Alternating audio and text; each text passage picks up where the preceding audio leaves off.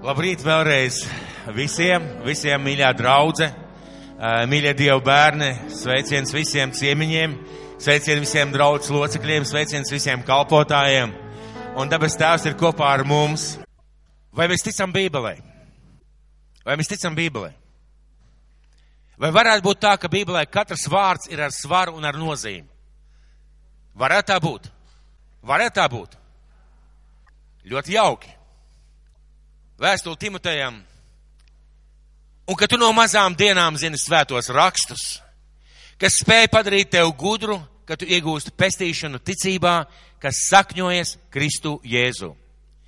Ik katrs dieviedmustos raksts ir arī noderīgs mācībai, vainas pierādīšanai, labošanai, audzināšanai taisnībā, lai dieva cilvēks būtu pilnīgs, sagatavots katram labam darbam. Lai dieva cilvēks būtu pilnīgs, sagatavots katram labam darbam. Un vārds, ar ko es dalīšos, saucās, kas notiek ar vārdu. Un, mīļie draugi, gribu jūs aicināt, paņemiet lūdzu savus pierakstus un atveriet savus bībeles. Ja jūs šobrīd esat dusmīgi par to, ka es atkal jums saku, paņemiet pierakstus un paņemiet savus bībeles, par to mēs nedaudz vēlāk parunāsim. Bet paņemiet savus bībeles, paņemiet savus pierakstus. Un vārds saucās, kas notiek ar vārdu. Par Jēzus bībelē rakstīts, ka iesākumā bija vārds, vārds bija pie Dieva un vārds bija Dievs. Un vārds tapa miesa un mājoja mūsu vidū. Tas ir garīgs princips. Dieva vārdam jātop par miesu mūsos. Dieva vārdam jātop par mūsu dzīves sastāvdaļu. Bet ne vispār tikai Dieva vārdam, bet konkrētām lietām, ko Dievs saka par konkrētām lietām. Dieva vārdam ir jābūt miesai mūsos, jeb daļai no mums. Tad Dieva vārds ir tas, ko Dievs gribējis, lai viņš izdara. Un šodien mēs apstāsimies un padomāsim, kas notiek mūsos ar Dievu vārdu, kas notiek mūsos ar Dievu vārdu, ko mēs savām ausīm dzirdam, ko mēs ar savām acīm izlasām, kur viņš paliek, kas notiek ar viņu. Apstāsimies šodien un padomāsim, kas notiek ar Dievu vārdu, ko mēs dzirdam un ko mēs izlasām. Kas ar viņu notiek, kur viņš paliek. Kāpēc šodien tāds jautājums, kāpēc šodien tāds jautājums, un kāpēc varbūt tādā veidā mēs sākam? Svētais gars runā uz mums caur Dievu vārdu, ko dzirdam draudzē. Svētais gars runā uz mums caur vārdu, ko mēs dzirdam draudzē, ko mēs izlasām personīgi savā bībelē, ko mēs saņemam varbūt kādā atklāsmē vai pārdomās vai kādā citā veidā. Dievu vārds runā uz mums, mēs izlasām, mēs dzirdam, un Dieva vārdam kā sēklai reāli jābūt jāienāk mūsu dzīvē, viņam būtu jāiesakņojās, viņam būtu jāuzdīkst, viņam būtu jāmaina mūs, viņam būtu jānes augļus, viņam būtu jākļūst par daļu no mums un jādod mums garīgo dzīvošanu. Redzēt, garīgā dzīvošana nav, ka tu vienkārši dzīvo fiziski miesā un nevis draudz. Tad, kad Dieva vārds ir tevī, kad Dieva vārds dzīvo tevī, kad Dieva vārds nes augļus, tev ir šī garīgā dzīvošana, jeb garīgā dzīve. Bet tad kāpēc ir tā, ka mēs pat dzirdot Dieva vārdam, mēs piekrītam? Ja mums pajautātu, piemēram, šodien es pajautāju, vai jūs piekrītat, ka uh, Bībele ir Dieva vārds un ka tas vārds kāds svarīgs. Visi mēs pateicām jā, pareizi? Mēs visi pateicām jā, vai ne? Mēs pateicām jā. Nu, vismaz piekritām, pareizi. Tad kāpēc ir tā, ka mēs piekrītam, it kā pasīvi piekrītam, bet mēs nepraktizējam Dievu vārdu? Mēs neaktivizējam šo Dievu vārdu savā dzīvē, mēs viņu nepielietojam un nedzīvojam pēc Dieva vārda. Kāpēc mūsu dzīvē reizēm tā gadās, un nevis reizēm, bet bieži, ka mēs saņēmuši Dievu vārdu, dzirdējuši, izlasījuši, mēs piekrītam, bet nepraktizējam savā dzīvē, nepielietojam šo vārdu. Un nedzīvojam pēc Dieva vārda kādās konkrētās lietās. Kā jūs domājat? Kur dievvvārds izgaist? Kur viņš paliek? Jo, ja Dievs sūta savu vārdu, šim vārdam ir spēks un nozīme, un viņam ir ietekme, viņam ir ietekme uz šīs zemes. Kāpēc ir tā, ka vienā dievkalpojumā kā cilvēks sēž un viņš pamazām, pamazām, pamazām mainās, vai kādā konkrētā lietā mainās, bet cits cilvēks sēž, viņš kāds viņš atnācis, tāds viņš aizgājis. Kāpēc tā ir? Es uzdevu sev šajā nedēļā šo jautājumu. Kāpēc ir tā, ka es tik daudz zinu, bet nav lietas, ko man gribētos redzēt savā dzīvē? Kāpēc ir tā, ka es zinu, ka vajadzētu rīkoties tā, bet es tā nedaru? Jautājums ir, kāpēc? Un uzdosim šodien sev ik vienu šo jautājumu. Mēs, piemēram, piekrītam vārdam, ka Dievs mūs mīl. Mēs piekrītam vārdam, bet kāpēc mēs bieži nejūtam, ka Dievs mūs mīl? Mēs piekrītam, mēs zinām, ka Dievs saka taisnību, bet mēs nejūtam, ka Dievs mūs mīl. Mēs dzirdām, ka Jēzus ir jāliek pirmajā vietā, bet kādās situācijās vai uh, darīšanās vai lietās mēs tik bieži Jēzu noliekam septītajā, astotajā, pat pēdējā vietā. Un mēs vienmēr attaisnojam, sakam, jā, bet, jā, bet, jā, bet. Mēs esam dzirdējuši un mēs esam uh, sapratuši, ka mums ir jāatgriež, jāatstājas no grēkiem. Kāpēc ir tā?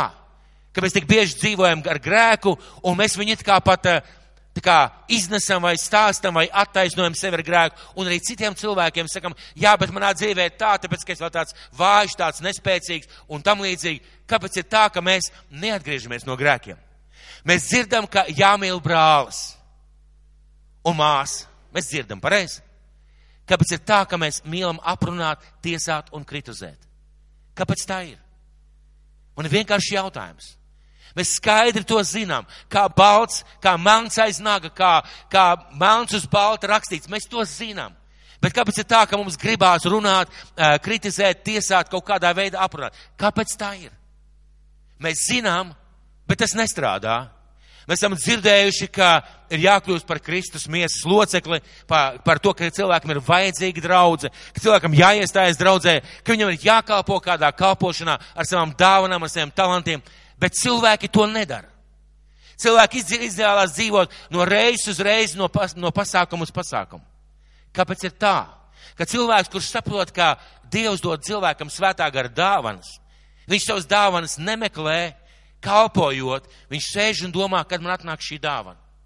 Kāpēc tā ir? Jautājums, kāpēc tā ir? Kāpēc ir tā, ka mēs dzirdam, ka pa jāpavada laiks ar Dievu, bet tik daudz kristiešu saka, Man nav laika īsti ar Dievu, man nav laika, man jāstrādā, man jādara un tam līdzīgi. Un nav laika lūgt un lasīt. Mēs zinām, mēs esam tik daudz dzirdējuši. Mani nošakēja daudzus gadus atpakaļ kāds puisis, kurš, kurš teica tā, mācītāji Jāni, tu tik daudz runā par attiecībām ar Dievu, bet es gribētu dzirdēt par to, par to, par to, par to. Un traģiskākais, es skaidri zināju, ka viņam nav laika priekš Dievu.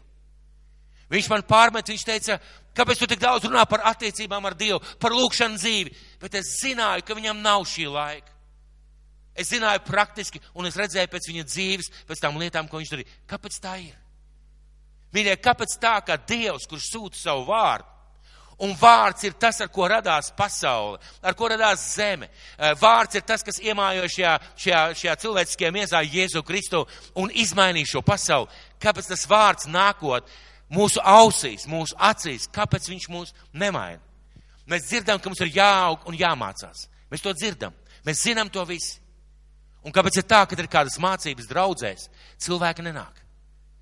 Cilvēkiem kādas svarīgākas lietas. Pat ja mēs palūdzam, atdalīsim šo pusotru mēnesi vai mēnesi mācībām, cilvēkam vai nu man nav laika, vai man tas neinteresē, vai, vai man ir citas darīšanas. Kāpēc tā ir? Jautājums, kāpēc tā ir? Mēs zinām, ka ir jābūt sadraudzībai starp brāļiem un māsām. Bet kāpēc ir tā? Kad beidzās divkalpojums, es nevienu ne, ne, nepieeju, neparunāju. Nu tā godīgi. Kāpēc tā ir? Un mēs jau neesam vienīgie, vai, vai mēs neesam vienīgā draudzes pasaulē. Tik daudzas draudzes cieš no tā, ka nav reālas, īstas attiecības un sadraudzība. Mēs zinām, bet mēs to nedaram. Kāpēc? Kur paliek tas vārds, kuru mēs pat varam nocitēt, noskaidīt, izstāstīt, pat paskaidrot, kur viņš paliek? kurā vietā viņš paliek. Mēs dzirdam, kā mums ir jāslavē Dievs. Mēs dzirdam, kā debes tēvs vēlās, lai viņa tauta viņu slavē. Kāpēc mēs kavējam slavēšanu? Kāpēc, kāpēc mēs atnākam dievkalpojumā ar nokavēšanos un cenšamies apsveicināties ar visiem apkārt? Kāpēc es atsveicinu, apsveicinos ar cilvēku, kas tikko atnāca 20 minūtes nokavējis? Kāpēc? Vai dieva pielūgsme ir vienkārši rituāls? Vai dieva slavēšana ir vienkārši kaut kāds mistisks laiks, pirms, pirms mācītājs kāps uz kanceles un stāstīs savu garlaicīgo sprediķi? Kur paliek tas vārds? Ja Kristus atnāk uz divkalpojumu precīzi 11. Viņš ir šeit. Pat ātrāk. Kāpēc mēs kavējam? Mēs zinām, ka Dieva vārds saka, ka visām lietām ir savs laiks. Tas nozīmē, ka arī dievkalpojumā būt ir savs laiks. Kāpēc es ignorēju šo vārdu? Es zinu, ka nav labi, bet es to daru. Jautājums, kāpēc? Kāpēc tik daudzām lietām mēs zinām, un mēs pat piekrītam, bet bet tas nenotiek un ne, nestrādā mūsu dzīvē. Vārdam ir spēks, jēga un vārdam ir nozīme. Tas nozīmē, ka svētais gars ņem vārdu. Svētais gars ņem vārdu un ienāk mūsu dzīvē. Un jautājums ir, ko mēs ar šo vārdu darām? Vai varbūt tā, ka cilvēks gadiem dzird Dievu vārdu, nāk uz draudzi un ārēji viss izskatās labi, klausās, lasa bībeli, bet cilvēks ir garīgi miris. Vai tā varētu būt? Kā jūs domājat, tā varētu būt? Lasa bībeli, nāk uz dievkalpojumiem, bet cilvēks ir garīgi miris. Vai tā var būt? Ja cilvēks nepraktizē, nedzīvo, nav iesakņojies Dieva vārdā un tajā, ko Dievs viņam saka, viņam nav šīs garīgās dzīvošanas. Viņam ir vienkārši šī ārējā čaula. Un šodien klausoties, uzdosim sev jautājumu, kā ir ar mani? Kā ir ar mani kādās konkrētās lietās? Kas notiek ar vārdu, ko es saņemu dievkalpojumā, ko es izlasu savā bībelē? Ko es saņemu savā lūkšanā istabā? Kas notiek ar šo vārdu? Kāpēc šis vārds it kā ir, bet it kā viņš nestrādā? Vai Jēzum ir atbilde? Vai Kristum ir atbilde, kas notiek ar šo vārdu? Un Es aicinu jūs atšķirsim Jāņa atklāsmes grāmatu. Lūksim, lai Dieva vārds, lai Bībele mums atklāja. Jāņa atklāsmes grāmata, pirmā nodaļa no pirmā līdz otrajam pantam. Jāņa atklāsmes grāmata no pirmā panta, pirmais, otrais pants, pirmā nodaļa. Un šī nodaļa sākās ar ļoti svarīgiem argumentiem, kāpēc mums vajadzētu ticēt visam pārējiem, kas tālāk ir rakstīts. Kāpēc mums, tiem, kas klausamies, vajadzētu ticēt visam pārējām, kas ir rakstīts? Un pirmā nodaļa - Jēzus Kristus atklājums, ko viņam devis Dievs, lai rādītu saviem kalpiem, kam jānotiek drīzumā un ko viņš sūtīdams savu eņģeli darīs zinām savam kalpam Jānim, kas apliecinājis Dievu vārdu un Jēzus Kristu liecību visu, ko viņš redzējis. Iesākās šī šī Jāņa atklāsmes grāmatā ar ļoti autoritatīviem vārdiem, kas saka Jēzus Kristus atklājums, lai darītu zinām svētajiem. Un devītā nodaļa, devīt, eh, tāpat pirmā nodaļa, devītais pants. Un es, Jānis, jūsu brālis un dalībnieks bēdās, valstībā un Jēzus gaidās, biju salā, ko sauc par patmu. Dieva vārda un Jēzus liecības dēļ. Viņš ir izsūtījumā. Tā kunga dienā es tapu aizrauts garā, tas ir svētdienā, lūkšana laikā noteikti. Es tiku aizrauts garā un dzirdēju aiz manas balsi, kā bazūni sakam. To, ko tu redzi, raksti grāmatā un sūti septiņām draudzēm. Efezā, Smirnā, Pergamā, Tietirā, Sardos, Filadelfijā, Laudikijā. Konkrētām draudzēm konkrētā laikā, konkrētā vietā. Un tie nebija joki. Tie nebija joki, jo Jānis to pierakst, viņš aizsūta. Un skatieties, kas rakstīts tālāk. Es apgriezos vērot balss, kas runāja ar mani, un apgriezies, ieraudzīju septiņu zelta lukturu, septiņus zelta lukturus. Lukturu vidū kādu cilvēka dēlam līdzīgu, ieģērbtu garos svārkos, apjostu ar zelta jostu ap krūtīm. Nākošos pantus mēs izlaidīsim, bet Jānis apgriežās. Un viņš ierauga kaut ko tādu, ko viņš nekad nav redzējis. Viņš ierauga septiņus zelta lukturus, viņš apraksta, kā viņš māk. Un šo lukturu vidū kādu, kā cilvēka dēlu, staigājam. Un pāriesim tālāk uz 17. pantu. Un kad es redzēju viņu, es nokritu pie viņa kājām kā miris. Bet viņš man uzlika savu labo roku, sacīdams, nebīsties, esmu pirmais un pēdējais un dzīvais. Es biju miris un redzi, es esmu dzīves mūžu mūžām, un man ir nāves un ēles atslēgas. Ko Jēzus, reāls Jēzus, ko šajā vietā Jānis redz, ko Jēzus saka? Nebīsties, es biju miris, tagad esmu dzīvs. Un man tev ir kāds uzdevums, ko tev vajadzēs izdarīt, ko es tev parādīšu, lai tu aizsūtītu draudzēm, un draudzēm tas ir jāzina. Un skatieties tālāk. Tad nu raksti, ko tu redzēji, kas ir un kas notiks turpmāk. Tiek sadalīts trīs lietas, ko tu redzēji, kas ir un kas notiks turpmāk.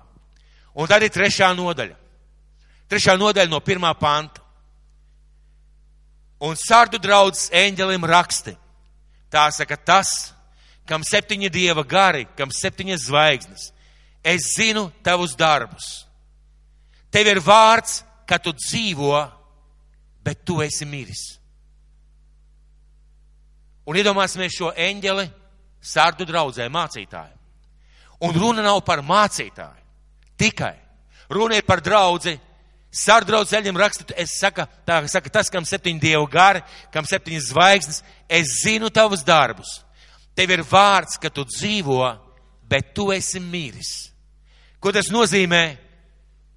Cilvēks saka, ka tu esi dzīvs. Tu saucies dzīvs. Tu domā, ka tu esi dzīvs. Tu darbojies, tu kusties, tu kustini rokas, kājas, jūsu draudzē kaut kas notiek, bet tu esi miris tu esi miris. Vienkārši neticams stāsts. Vai tā var būt? Kad cilvēks, kurš tic Dievam, kad vesela draudz, kura tic Dievam, ir mirusi un uh, viņos nav dzīves. Viņi domā, ka viņi dzīvi, bet viņi nav. Un otrais pants - uzmanies, uzmosties un stiprini tos, kas taisās mirt. Jo es neatradu tavus darbus pilnīgus mana Dieva priekšā. Un otrais pants, bet patiesībā tu esi garīgi miris, tev vajag uzmosties. Mīļais Dievs, kā man vēl uzmosties? Es nāku uz baznīcu, es lasu bībeli, es daru kādus darbus, kā man vēl uzmosties? Ko man vajadzētu uzmosties, kāpēc man vajadzētu uzmosties? Jēzus saka, tu esi miris. Un šajā, šajās predikties tiešām nevienu negribētu apsūdzēt. Es gribētu, lai mums atverās garīgās klapes. Mēs varam domāt, ka mēs esam dzīvi, bet Jēzus redz mūsu iekšieni, un viņš redz mūsu dzīvi. Un viņš redz, vai mūsu dzīve saskana ar Dievu vārdu. Vai mēs ļaujam Dievu vārdu mūsos dzīvot, vai nē. Jo Jēzus pats teica, ja jūs mani mīliet, pildiet manus baušļus. Šie cilvēki dzīvoja ārīgi, un mēs varam dzīvot ārīgi. Un Jēzus saka, uzmosties. Tev ir jāpamostās, Kāpēc jāpamostās? Tāpēc, ka tu esi miris. Un trešais pants. Uzmosties un stiprini tos, kas taisās mirt, jo es neatradu tavus darbus pilnīgus mana Dievu priekšā. Un šeit pilnīgi viennozīmīgi nenozīmē, ka viņi neko nedarīja. Noteikti nebija tā, ka viņi neko nedarīja. Viņi dzīvoja, viņi darbojās, viņiem bija pasākumi, viņiem bija lietas, bet viņi nedzīvoja iekšējo dzīvi pēc Dieva vārda. Viņa dzīvoja ārējo, bet ne iekšējo dzīvi, jo iekšējā dzīve pilnīgi viennozīmīgi sākās un beidzās ar Dieva vārdu, kurš dzīvo cilvēkā iekšā. Un trešais pants, ko darīt, kā pamosties? Atceries tāpēc, ko tu esi dabūjis un dzirdējis. Un zini, ko Jēzus saka? Tev vajag pamosties. Kā tu vari pamosties? Atceries, ko tu dzirdēji un dabūji. Pamēģināsim atcerēties par šiem daudzajiem gadiem, cik mēs esam dzirdējuši sprediķus. par lietām, kas šobrīd varbūt pat nestrādā mūsu dzīvē. Cik mēs esam dzirdējuši liecības, cik bībeli lasījuši par tām pašām lietām, ko es minēju, par sadraudzību, par kalpošanu, par, par mīlestību, par to, ka Dievs mūs mīl. Kā mēs varam pamosties vienīgi, atceroties, ko mēs esam dzirdējuši un ko mēs dabūjuši. Un to, ko mēs dzirdam un dabūnam, laižot sevi iekšā. Laižot sevi iekšā, jo tieši Dieva vārds ir tas, kurš spēja mūs mainīt. Mācītāji dusmīgā runa nespēja mūs mainīt. Vainas apziņa nekad nemūs nespējas ilgi motivēt. Vienīgais, kas mūs spēja motivēt, tas ir Dieva vārds. Un viņš saka šajā, šajā vēstulē, atceries tāpēc, ko tu esi dabūjis un dzirdējis. Turi to un atgriezies. Atceries, ko esi dabūjis un dzirdējis. Turi to, jeb pakļaujies tam. Sāc to praktizēt, sāc to darīt, sāc nožēlot, ka tu to nedari. Tad tu dzīvos. Tad tu dzīvos. Ja tu nebūsi nomodā, es nākšu kā zaglis, un tu nezināsi, kurā stundā es nākšu pār tevi. Mēs parasti domājam, nu tas būs pastarajā dienā. Nu, tas būs tajā dienā, kad Jēzus nāks pēc visas, visām draudzēm. Gan jau es tad kaut kā tikšu galā, uz to laiku es būšu gatavs, gan jau kaut kā. Bet ziniet, ko šī vieta saka? Ka Dievs nāk pār šo draudzi, un viņi pat nepamana, ka Dievs vairs nav viņu pusē. Viņi pat vairs nepamana, ka Dievs nav viņu pusē. Un jautājums ir tikai viens. Jautājums ir viens. Atceries tāpēc, ko tu esi dabūjis un dzirdējis. Turi to un atgriezies. Sakiet, kad mainīsies mūsu dzīve slavēšanā? Kad mainīsies mūsu dzīve slavēšanā? Es kādā reizē domājot par šo draudzu, domājot par mūsu draudzu, par mūsu mīļoto Dievu ģimeni, es sapratu, ka man vajag uzaicināt tādu lielisku slavētāju, kurš spētu aizkustināt, izraustīt, izkustināt cilvēku slavēšanā un pielūgsmē. Un es runāju kādu vīru, kas ir pazīstams visā Latvijā, un ziniet, ko viņš teica? Ā, viņi neslavē, viņi nedzied, nedzied Dievam, nepagodina Dievu. Nu jā, tās ir personiskās attiecības. Nekāds zelta slavētājs šeit neizmainīs jūsu dzīvi. Ja jūs nesapratīsiet, ka Dievs jūs aicina dziedāt Dievam. Dievs jūs aicina, kad ir dievkalpojums slavēt Dievu ar savu balsi. Dievs jūs aicina atnākt laikā uz slavēšanu un neuztvert slavēšanu kā pieliekamo daļu. Dievs jūs aicina, mani aicina. Es nezinu, kā jūs tur jūtaties, šeit jūt, priekšā jūtos lieliski. Ziniet, kāpēc? Man ir tiešais kontakts ar slavēšanas komandu. Bet kāpēc pirmā rinda ir brīva? Kāpēc pēdējās ir tukšas, pilnas? Kāpēc tā notiek? Kāpēc tā notiek? Un Bībelē saka, atceries, ko tu esi dzirdējis, turi to un atgriezies, jeb sāc praktizēt. Un tad ir brīdinājums. Tad ir brīdinājums. Un tālāk, ja mēs lasām, piektais pants, kas uzvar, tas būs ģērbts baltās drēbēs un es viņa vārdu neizdzēsīšu no dzīvības grāmatas. Tā tad var izdzēst. Tā tad var izdzēst. Ja cilvēks dzīvo tikai ārējo kristiešu dzīvi, bet nedzīvo šo iekšējo garīgo dzīvi ar Dievu, ja cilvēks neļauj Dievu vārdam savā dzīvē valdīt, var izdzēst šo vārdu. Kāpēc tā var notikt? Tāpēc, ka Jēzus saka, tu esi miris. Ja tu nedzīvo pēc vārda, tu esi miris saucies tu par baptistu, harizmātu, vasarsvētku, vienalga kā tu saucies. Tu esi miris. Uh, kas mums jāļauj vārdam mūsos izdarīt? Ko mums jāļauj vārdam mūsos izdarīt? Ja mums ir jāatcerās Dieva vārds, ja mums ir jāļauj šim vārdam dzīvot, tad kas mums ir jāļauj šim vārdam mūsos izdarīt? Un es gribu jūs aicināt atšķirt vēstuli ebrejiem, 4. nodaļa, 12. pants. 4. nodaļa e, e, vēstule ebrejiem, 4. nodaļa, 12. pants. Jo Dieva vārds ir dzīvs un spēcīgs. Un asāks par katru abās pusēs griezīgu zobanu. Svētais garš šī vietā saka, kāds ir Dieva vārds. ka Dieva vārds ir dzīvs un viņš ir spēcīgs un asāks par katru abās pusēs griezīgu zobenu. Neatkarīgi no kā viņš atskan, viņš ir griezīgs un as un ir asāks par griezīgu zobenu. Un spiežas dziļi iekšā līdz kamēr pāršķir dvēseli un garu, locekļus un smadzenes un ir domu un sirds prāca tiesnesis. Ko šī vieta nozīmē? Tas nozīmē, ka mums ir jāļauj šim vārdam spiesties mūsos iekšā.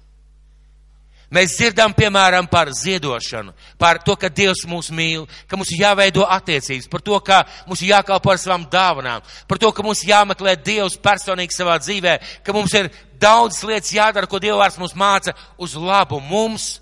Mums ir jāļauj, lai šis vārds spiežās mūsos iekšā mīļie. Bet ko tas varētu nozīmēt? Es varu sēdēt šajā dievkalpojumā un vienkārši māt ar galvu, skatīties un, un uh, kurnēt sevi iekšā, būt dusmīgam par to, ko runā, un neļaut tam vārdam spiesties sevi iekšā. Arī šodien šeit sēžot. Mēs varam tieši tāpat. Mēs varam uzlikt bloku un teikt, atkal kārtējais apsūdzošais dievkalpojums. Mīļie, nav apsūdzošs dievkalpojums. Nav apsūdzoši dievkalpojumi. Ir dievkalpojumi, kurās svētais gars grib mums kaut ko pateikt.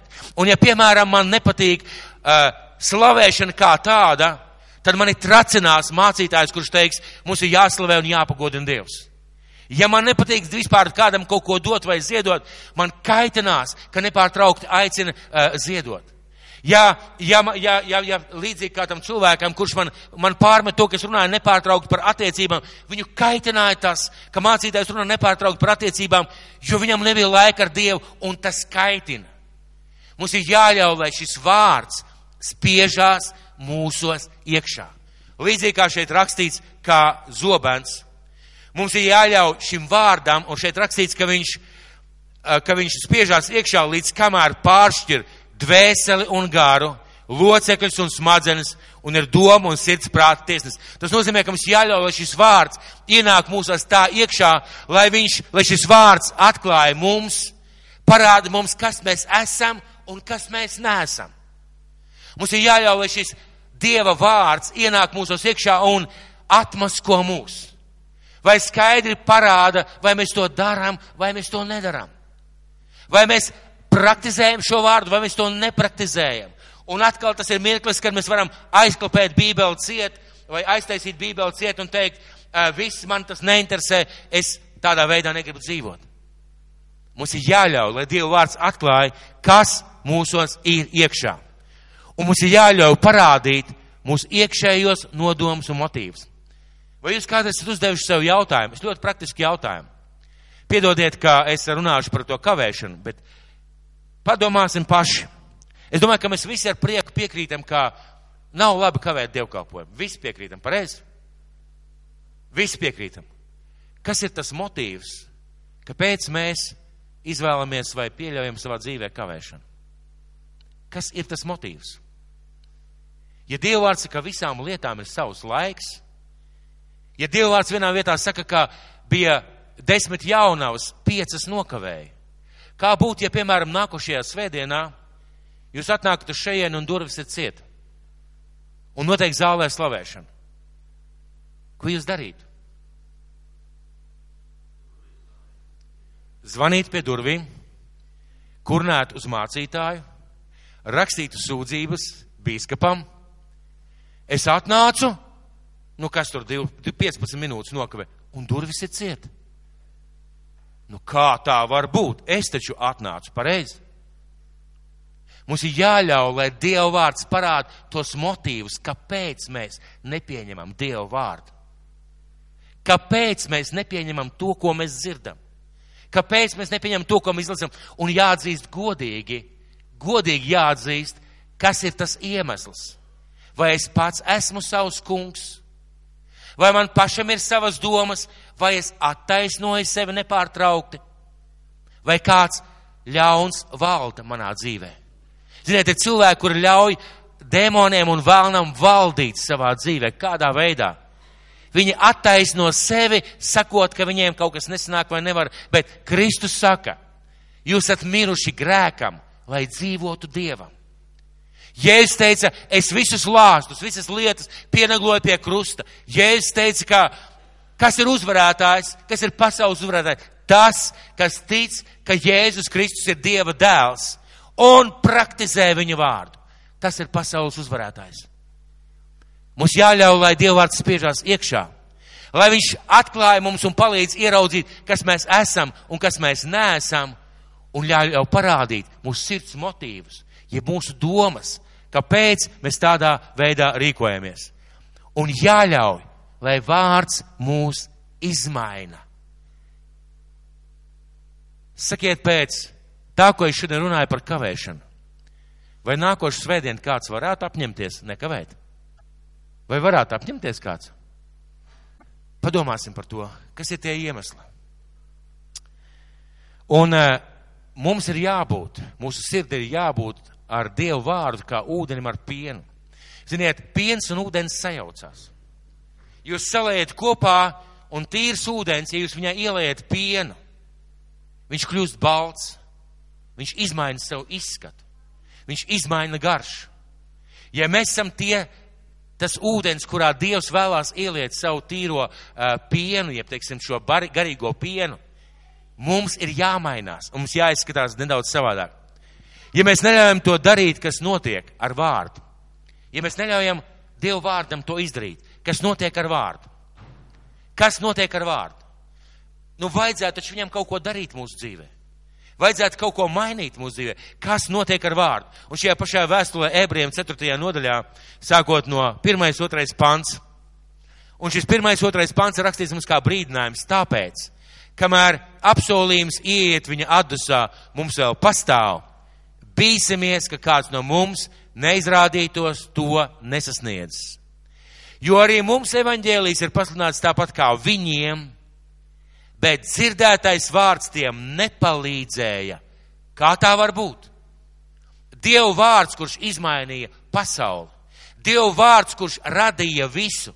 Dievu vārds, kurš nāca uz šo zemi, ievieno, iemiesojās miesā, kā viņš varēja nepalīdzēt? Kādā veidā viņš var nepalīdzēt? Viņam jāpalīdz automātiski. Nav iespējams, ka viņš nepalīdz. Tāpēc, ka klausītājos nebija savienojies ar ticību. Tāpēc, ka klausītājos viņš nebija noticis tā. Nesavienojās kā divas rokas ar pirkstiem. Palika kā eļļa un ūdens. Ziniet, eļļa un ūdens nekad nesaies kopā. Jā, ūdens paliks nedaudz eļļains varbūt, bet jūs ieliet vienā traukā ūdeni un ieliet eļļu. Ūdens nepieņem eļļu. Ūdens nepieņem eļļu, jā, kaut kur ķīmiski, kaut kur kaut kas nedaudz var pamainīties, bet lūk, kas notiek. Dieva vārds it kā mums ir blakus, it kā mēs viņu prāta līmenī zinām, bet viņš neiespaido mūsu dzīvi. Un šajā vietā rakstīts, ka dzirdētais vārds viņiem nepalīdzēja tāpēc, ka nebija savienojies ar ticību. Savienoties nozīmē izšķīst. Izšķīst, it kā izšķīst ticībā. Dieva vārds izšķīst mūsu ticībā. Dieva vārds iesūcās mūsu ticībā. Dieva vārds izmaina mūsu dzīvi caur mūsu ticību tam, ka tas ir Dieva vārds, ka tā ir taisnība, ka tā ir patiesība un ka es vēlos to darīt, es vēlos tā dzīvot, es vēlos to praktizēt. Mīļie draugi, kas notiek, ja mēs neļaujam Dieva vārdam kādai konkrētai lietai mūsu dzīvi mainīt? Jā, pastāv situācijas, ka Dieva vārds kā paliek uz plauktiņa, un pienāk diena, kad Dievs mums atkal šo vārdu paceļ. Bet ziniet, kas notiek? Vistrakākais. Vistrakākais, kas var notikt ar kristieti, un kāpēc šī draudz bija mirusi? Izstrādājās imunitāte. Tu esi vienreiz dzirdējis Dieva vārdu par kaut ko. Tu esi padomājis par to.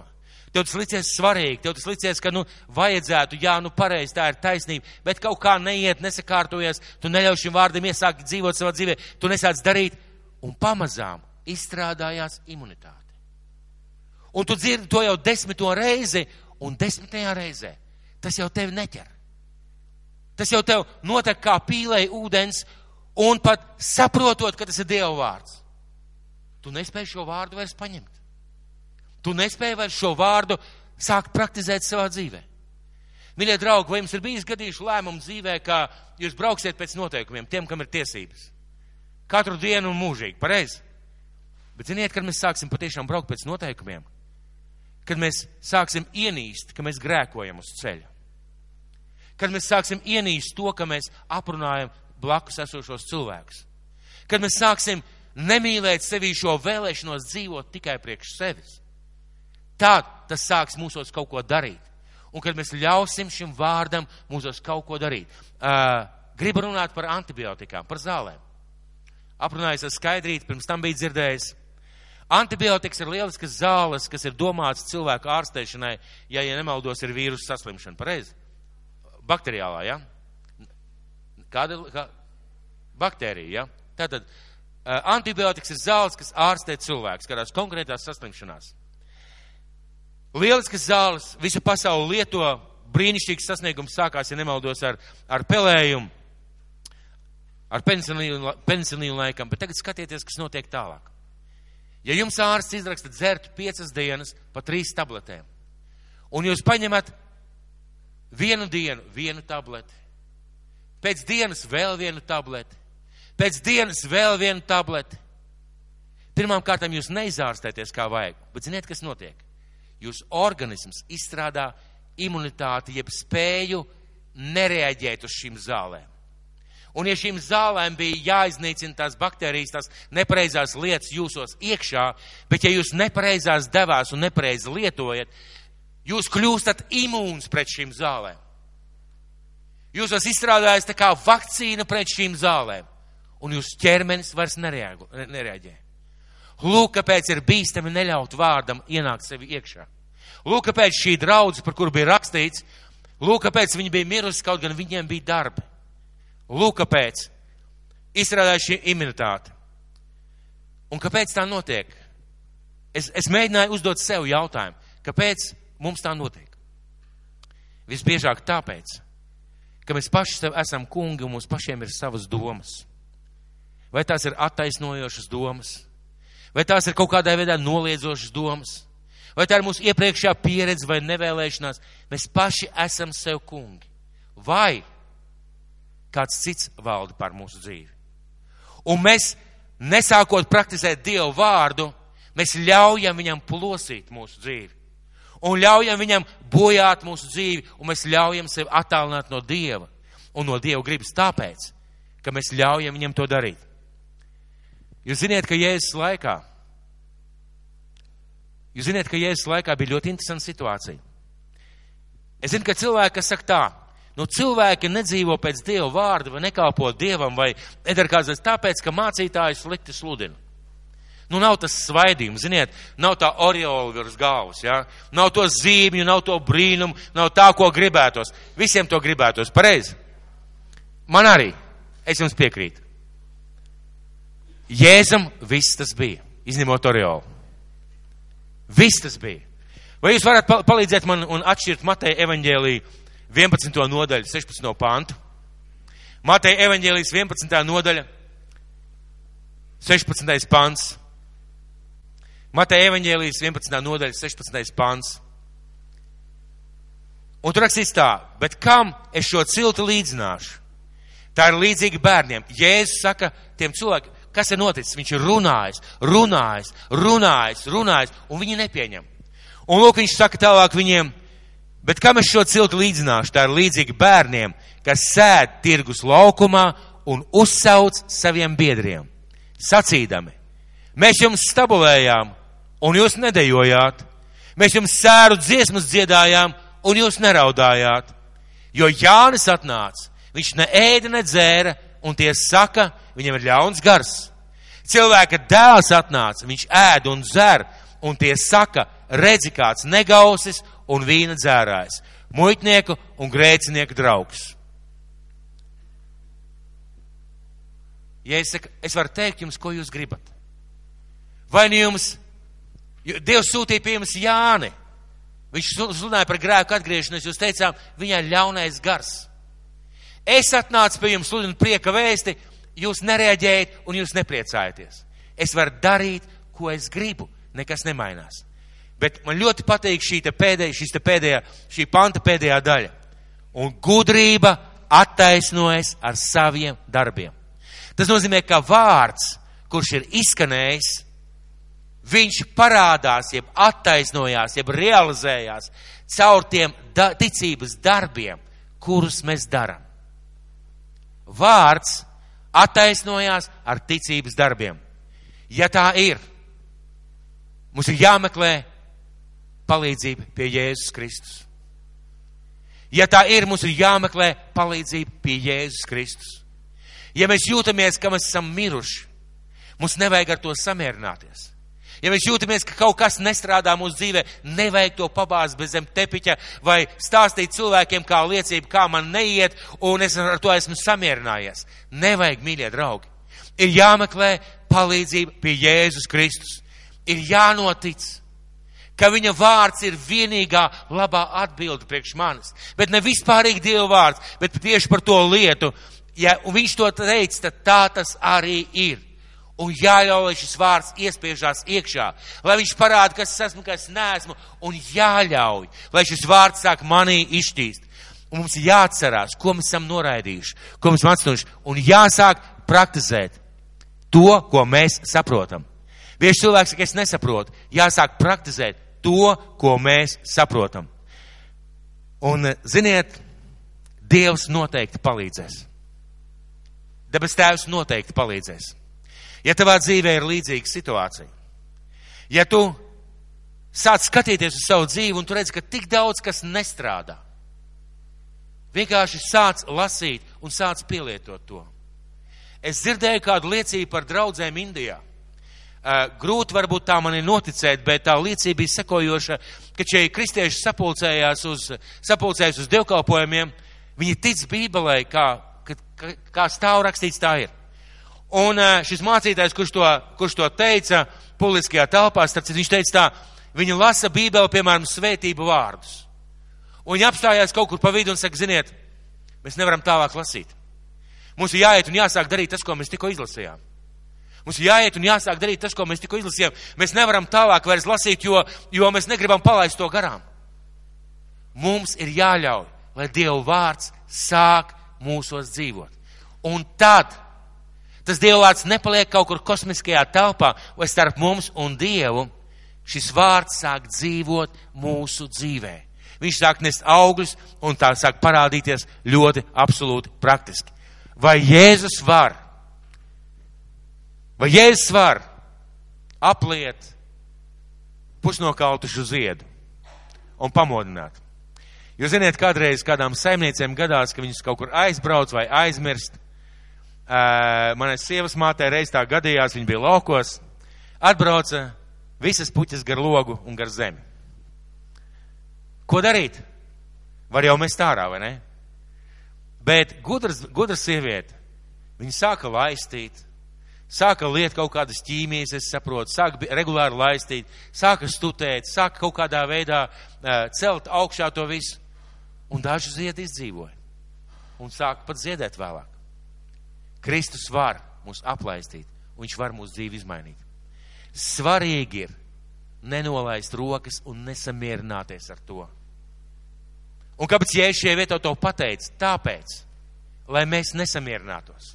Un viņam ir veids, viņam ir veids, un metodas, kā ļaut šim vārdam mūsu dzīvot. Un ja tu, piemēram, nejūties, ka Dievs tev mīl, lasi tās vietas, kur rakstīts, ka Dievs tevi mīl, ka Viņš tevi nekad neatstās, un ļauj, lai šis vārds sāk darboties tavā dzīvē. Es gribētu jūs aicināt uz lūkšanu. Un man ļoti negribētos, man ļoti negribētos, lai es šeit viens pats lūgtu, jo kāds varbūt tagad dusmīgs uz mani. Ļoti vienkārša lieta, par ko mēs šodien minējām, par šo te kavēšanu. Ļoti vienkārša lieta. Nav iemesla apvainoties uz mācītāju, nav iemesla apvainoties ne uz vienu. Pat uz sevi nav vērts apvainoties. Jo apvainoties uz sevi nozīmē pilnīgi noteikti neko vairs neizdarīt tālāk ar to. Normāli ir sāk kaut ko domāt. Un kad mēs dzirdam vārdu par kādām lietām, ļausim šim vārdam sākt mūsos dzīvot. Jo tikai vārds ar svēto garu var mūsu dzīves izmainīt. Tāpēc aicināšu jūs lūgt. Mīļais debes tēvs, mēs šodien nostājamies kungs tavā priekšā. Un debes tēvs ir tik daudz lietu, ko mēs pa šiem gadiem vai savā ticības laikā esam dzirdējuši. Tik daudz dažādu lietu. Vienais kungs, bet ja tu esi teicis to, tas nozīmē, ka mēs varam tajā dzīvot. Ka mēs varam sākt to darīt. Ka mēs varam sākt tādā veidā izturēties. Ka mēs varam sākt tādā veidā darboties savā dzīvē. Tas nozīmē, kungs, ka mēs varam. Un svētais gars, es tev lūdzu. Svētais gars, es tev lūdzu par sevi, es tev lūdzu par māsām, par brāļiem, Jēzu Kristu. Kungs, es lūdzu Dievs, lai nevienam no mums nav tā, ka svētais gars atnāk un pasaka, ka mēs esam miruši. Lai vienam dabas tēvs nav tā, ka mēs vienkārši ļaujam, lai šis vārds aizslīd mums garām, tāpēc, ka mēs esam dzirdējuši, bet neļāvām savai ticībai savienoties. Mīļais kungs, Jēzus vārdā es tev lūdzu, ja kādam ir jādzird, ka viņš ir miris, lai viņš sadzird dabas tēvs, tagad nevis pie mūžības vārdiem. Svētais gars, tur redz, kungs, var vārdu, vārdu Dievs, ko viņš šodien dalījos. Tur redz, dabas tēvs, katru vārdu, kas ir bijis skanējos iepriekšējos dievkalpojumos. Mīļais kungs svētī un cel augšā. Tēvs palīdz atcerēties, Tēvs palīdz sāc dzīvot pēc tā. Tēvs palīdz šim vārdam kļūt par daļu, par miesu no mums. Jēzus Kristus vārdā. Āmen. Lai debes Tēvs mūs svētī.